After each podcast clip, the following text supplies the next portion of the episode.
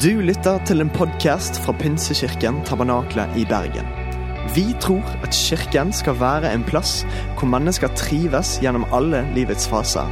En kirke for hele livet. Ønsker du å bli bedre kjent med oss eller holde deg oppdatert? Besøk vår Facebook-side eller ptb.no. Her er ukens tale. Det er jo bra at Glad-Jensen skal få lov til å dele et glad budskap. da. For Det er jo det evangeliet betyr. Det gode budskapet. Vi eh, har starta en liten miniserie som vi kaller 'Hvem er PTB?' Eh, og det er jo, eh, Hvis du ikke vet hva PTB er for noe, så er ikke det en ny medisin, eller noe, men det er Pinsekirken Tabernakle Bergen. Og så kan det jo være Hva er det vi holder på med? Hva er det vi tror på? Hva er det vi gjør? Eh, og nå er ikke alle disse her bildene hvis du lurte på det, dagens bilder. Det er litt fra historikken helt fra det starta og til i dag. Sånn noenlunde. Men Pinsekirken Tabernakle vi ønsker å være en kirke for hele livet. Og Vi ønsker også å være én kirke, men som har flere fellesskap. Dette fellesskapet er én av de vi har i kirken. Vi har gudstjeneste på søndag formiddag, som vi populært kaller G12. Og så har vi G19 på kvelden. Eh, Så har vi Pinnkirken Ungdom på fredag. Og så har vi forskjellige andre samlinger i løpet av uka som er forskjellige fellesskap, men som alle er del av den samme kirken som vi er en del av. Vi har også eh, i det siste delt opp eh, i eh, forskjellige livsfaser, som vi kaller det. Med ansvar for de forskjellige delene i aldersgruppe som også representerer denne kirka. Og Der har du barn og familier, du har unge, du har unge voksne, som er dette miljøet. Eh, mesteparten av voksne, som er 35-65 ish. Vi liker å kalle det sånn midt i livet-generasjonen. Og så har du de eldre, eller seniorene, som også vi har flere av i kirka vår. Visjonen vår er litt det vi skal fokusere på i disse søndagene framover, eh, som sier litt om hvem vi er som kirke. Og Vi ønsker å være et varmt fellesskap av Jesu etterfølgere, som inspirert av Den hellige ånd tilber Gud og bringer håp til mennesker. Og Du har fått hørt en del av disse tingene allerede i dag. Vi har fått lov til å lovprise Gud. Vi ønsker å være et varmt fellesskap hvor du kjenner deg velkommen, hvor du kjenner at du er en del av. Men så ønsker vi også å være Jesu etterfølgere. Og det har jeg lyst til å dele litt med dere, spesielt om i dag. Populært kalt så vil vi kalle det for å gjøre disipler, eller disippelskap. Når Jesus kalte oss til å forkynne evangeliet, så sa han ikke 'gå ut og prek evangeliet til alle mennesker'. Han sa 'gå ut og gjør disipler av alle mennesker'. Og disippel, det er en etterfølger av Jesus. Eller en etterfølger, og så er det Jesu disippelskap vi skal snakke om. Så I vår visjon så er etterfølgelse av Jesus noe som er eh, en av de viktige tingene for oss. Og Så kan du lure på hvordan ser dette ut i 2020? I dette spesielle året. Hvordan kan vi være etterfølgere av Jesus? For 2000 år siden så gikk Jesus opp til en håndfull menn og så sa han til dem, 'Følg meg'. Tenk å være en av de første disiplene som Jesus møtte, og få lov til å være med i den første disippelskaren. Av og til når jeg tenker på det, så tenker jeg wow, da må det jo ha vært enkelt å være disippel når Jesus sjøl var der. Men se at en hadde kommet opp til deg i dag, og så sa han Du, kom, bli min etterfølger. Hva hadde du tenkt da? Det er ikke sikkert det var så veldig naturlig for disse fiskerne og tollerne og disse andre som hadde sine vanlige arbeid, når plutselig en kommer opp og sier 'følg meg'. Men det var allikevel naturlig å gjøre det. Hvorfor det? Jo, fordi det var noe spesielt med denne Jesus Kristus. Det var noe som strålte ut av ham. Det var noe som skjedde rundt ham, som gjorde at mennesker de ble nysgjerrige og ville vite hva dette var. De holdt alle på med sitt arbeid den dagen som Jesus kalte dem. Og ingen av dem hadde kanskje venta at livet deres skulle endres så raskt og så radikalt i møte med Jesus. De kunne nok ikke helt forstå heller hva de gikk inn i, og hva de sa ja til å følge, da de svarte på Jesu kall.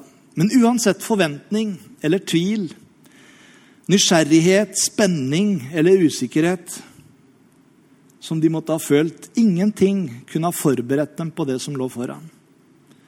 Men alt om Jesus, hans undervisning, hans medfølelse for mennesker, hans visdom når han talte, hans liv, hans død, hans oppstandelse, hans makt og autoritet, og også hans kall til å gå ut i hele verden, ville komme til å forme alle aspektene i disse disiplenes liv.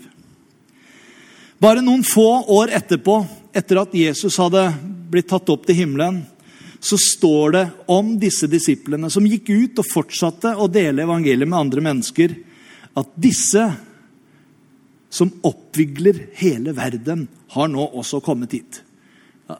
Ble de kalt for oppviglere, sier du? Ja. I den nye oversettelsen står det visstnok 'disse som snur verden på hodet', eller 'snur verden opp ned'. Du kan lese om det i Apostlenes gjerninger 17,6. Da er de hjemme hos en som heter Jasson. Det var kanskje en life-gruppe eller smågruppe hjemme hos han. Og Der var Paulus og der var de andre. De hadde kommet dit for å forkynne evangeliet og måtte Eh, de måtte hjelpe dem å rømme, fordi at eh, de romerske de ville ikke ha kristendommen eh, der på den tida. Men vitnesbyrdet deres er ganske sterkt allikevel. For det er nemlig de, Jesu fiender, som sa disse som oppvigler hele verden, er nå jammen meg her også. Så evangeliet spredte seg sterkt og radikalt gjennom Jesu etterfølgere. Så hva var kjennetegnet eller hva var DNA-et på det å være en Jesu etterfølger? Og Vi skal se på sju forskjellige DNA, eller kjennetegn, på en Jesu disippel. For det første så er de etterfølger av Jesus.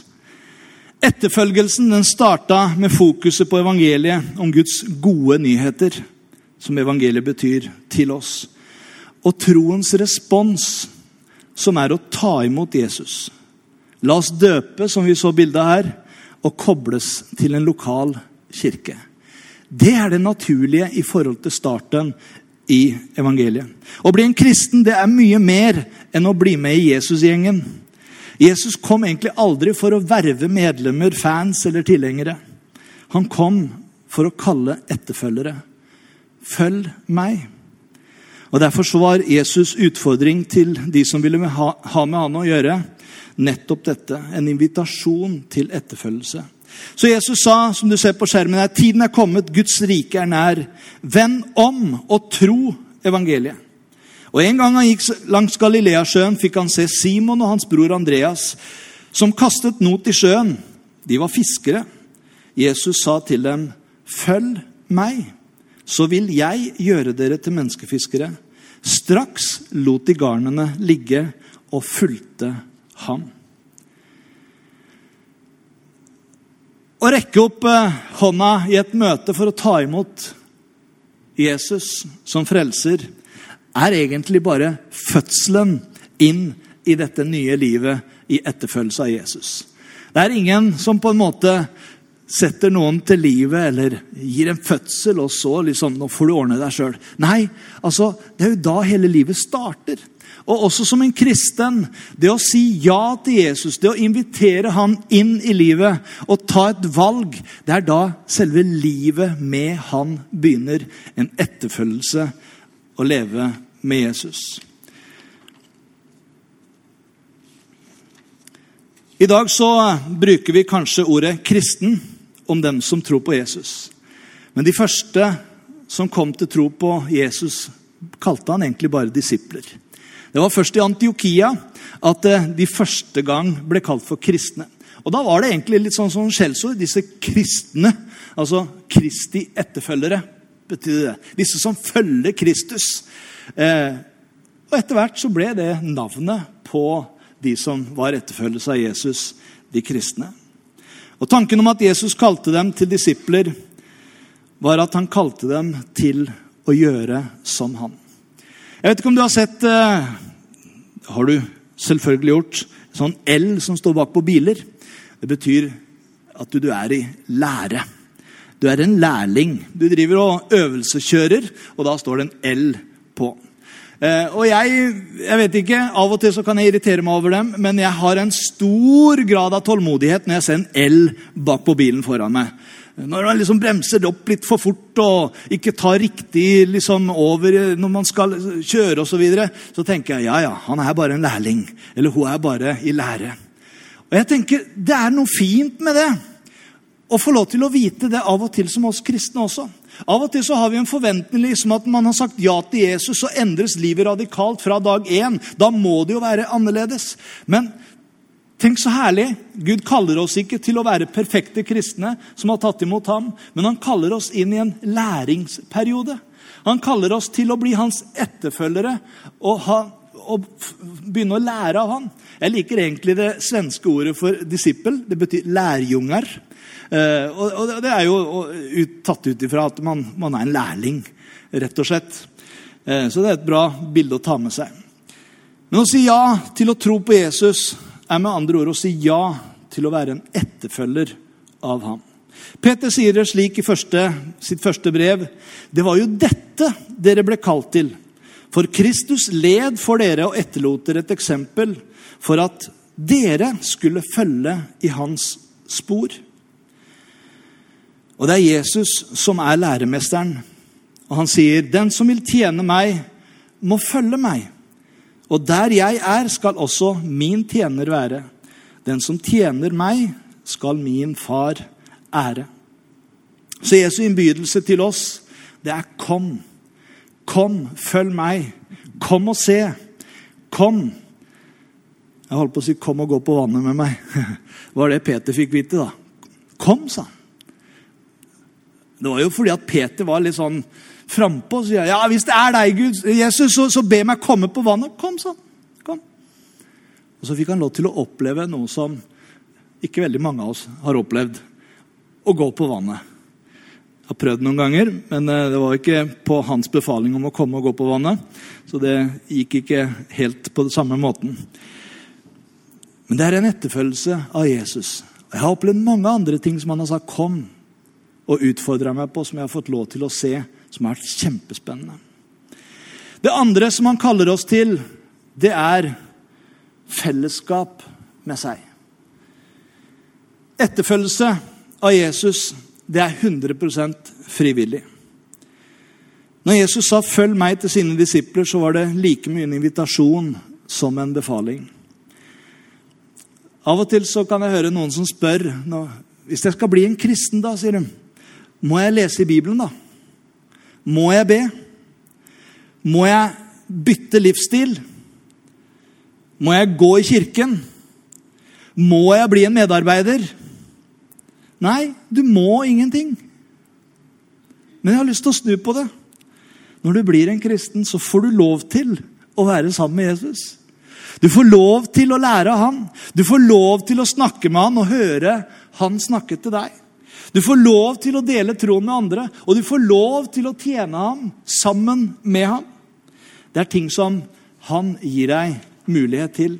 Å være en disippel det er ikke å bli tvunget til en lovisk regelverksliv. Men disippellivet er et stort privilegium. Vi inviteres til å ta skritt som er gode for oss. Utfordringen er kanskje at vi ofte bruker vår frie vilje til å ta feil valg i livet for oss selv og for framtiden. Eller legger inn sterke reservasjoner i forhold til det å følge Jesus. Ja, men hva om? Hva hvis?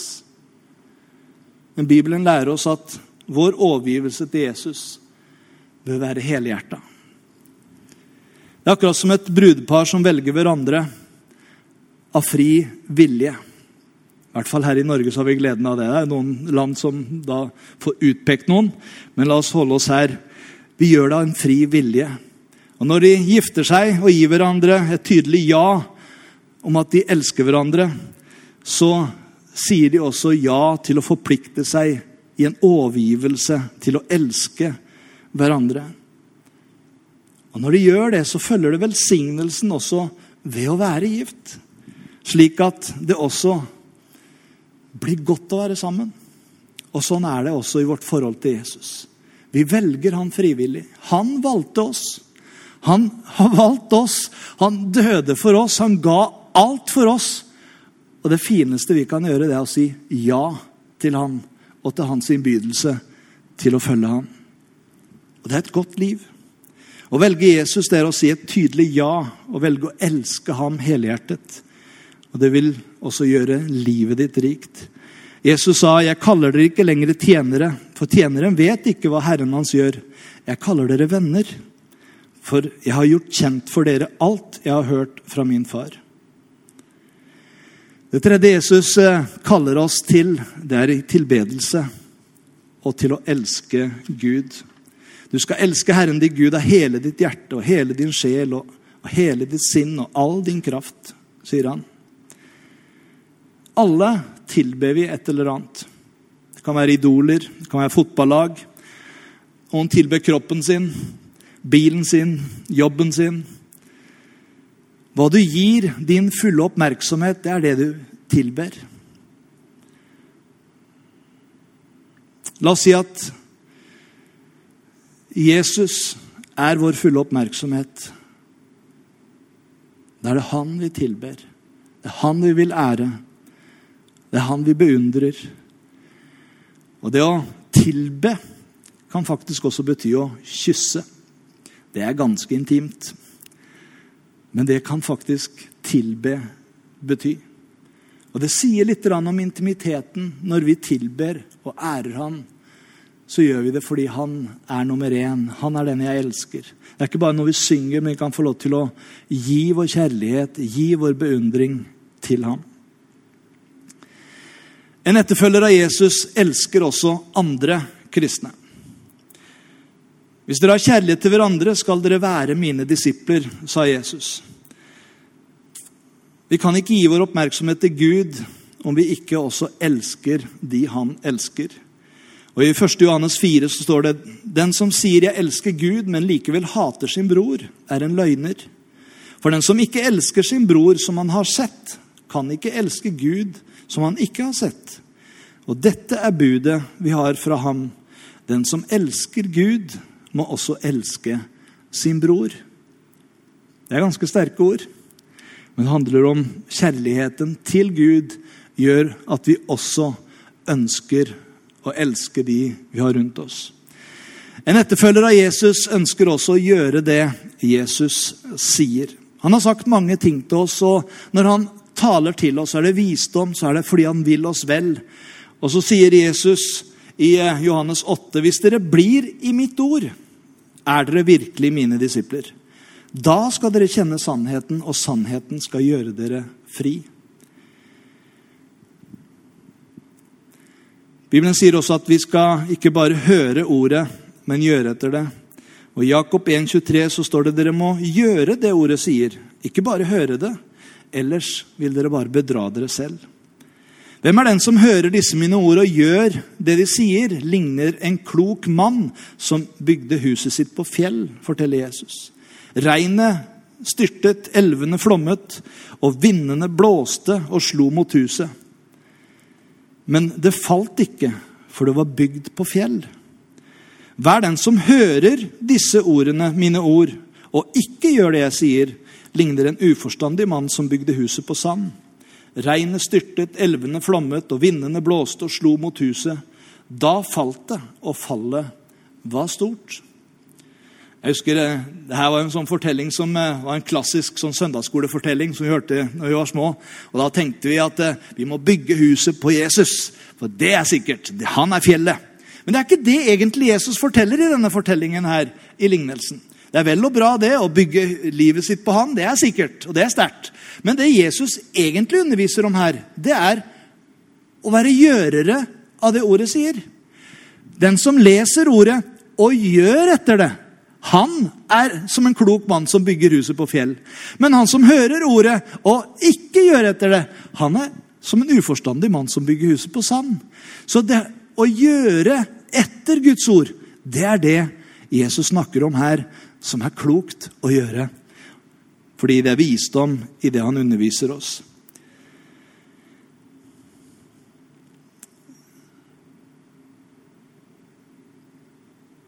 Så hva er bra for samfunnet?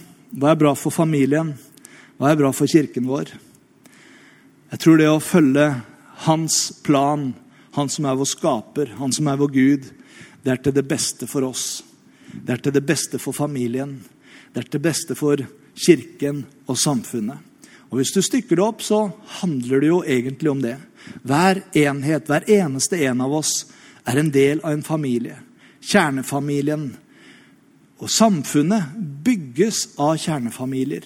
Og Derfor er det så viktig allerede fra vi er små. Og Noen har hatt gleden av det, og andre har ikke hatt gleden av det.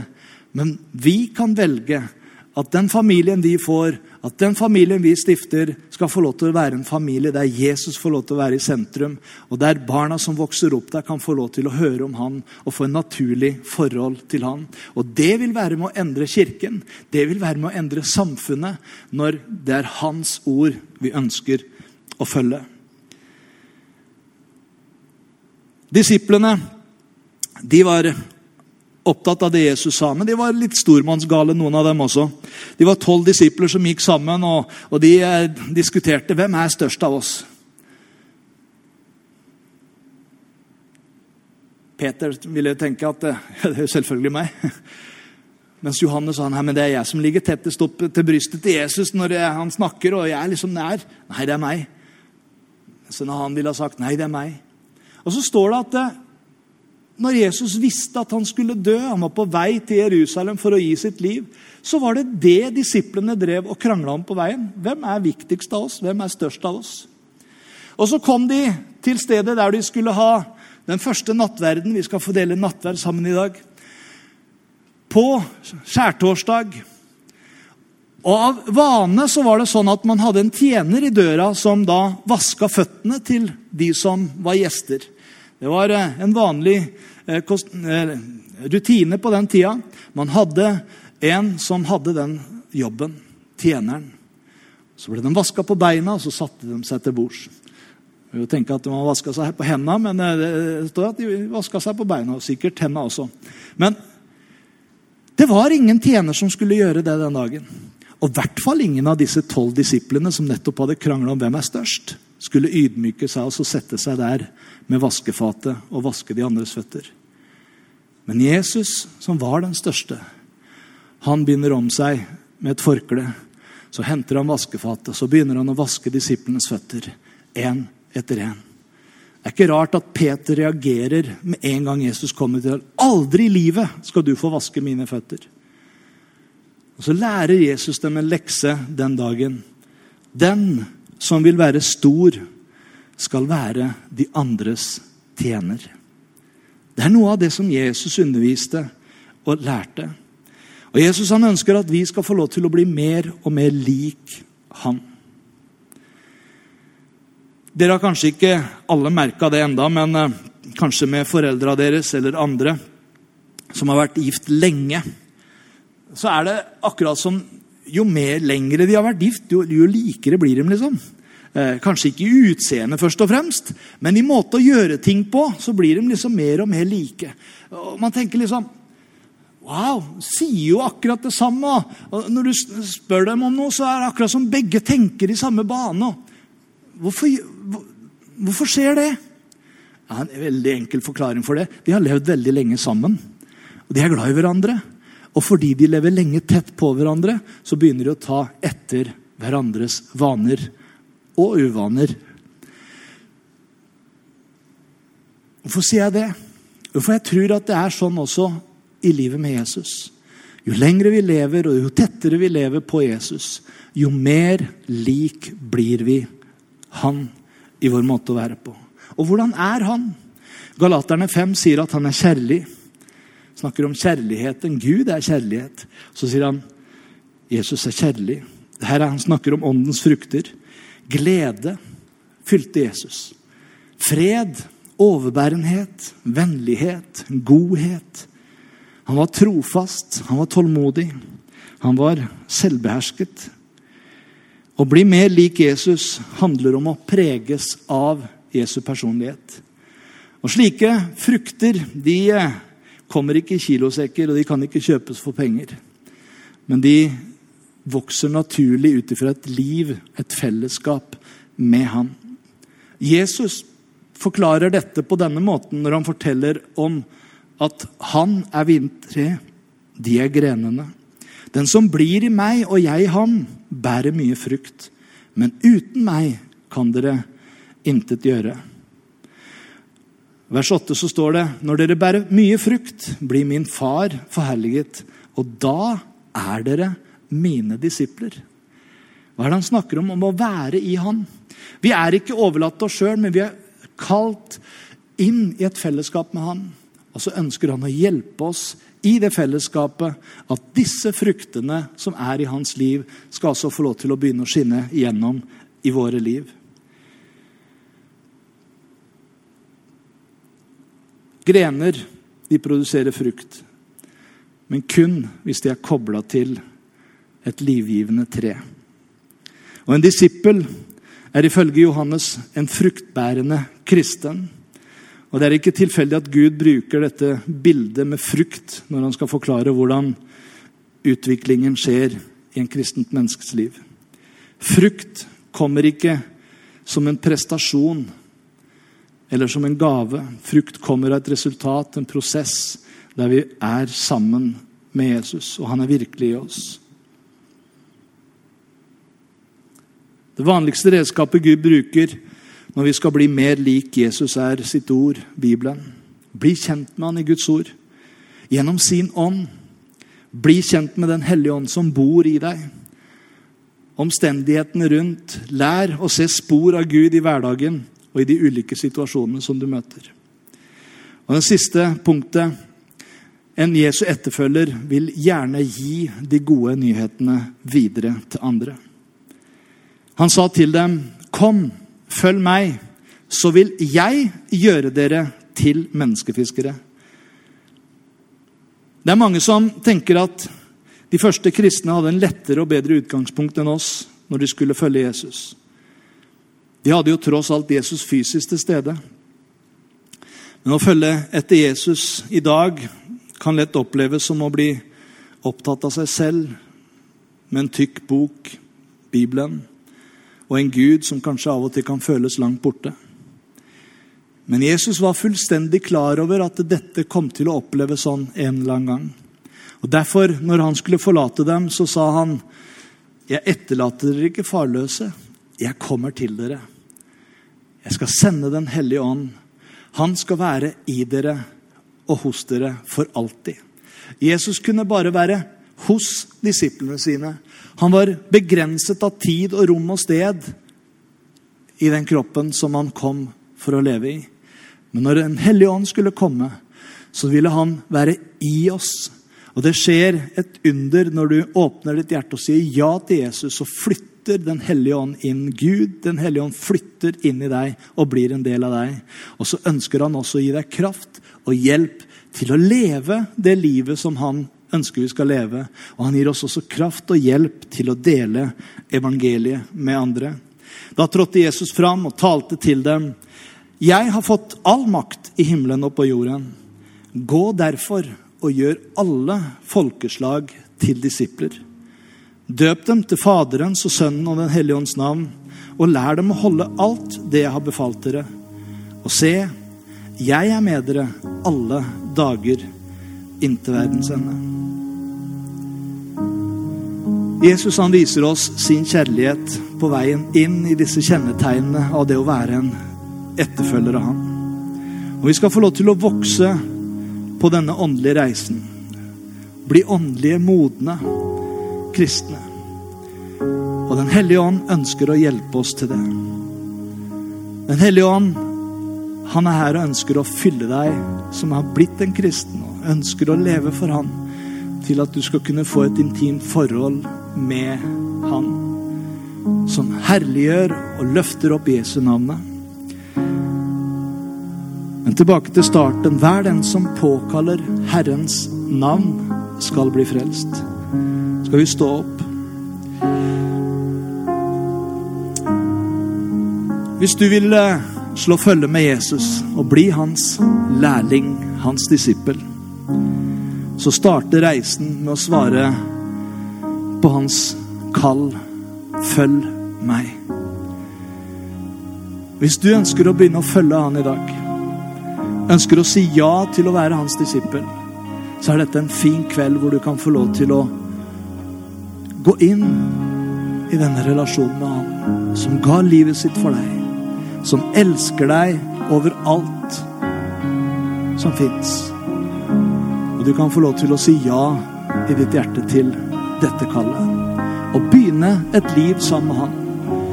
Livet kommer ikke til å endres fra i dag til i morgen sånn umiddelbart. Men det skjer et under inni deg som starter med en gang. Den hellige ånd flytter inn i deg, og det er Han som vil hjelpe deg til å leve dette livet dag for dag og bli mer og mer lik Jesus.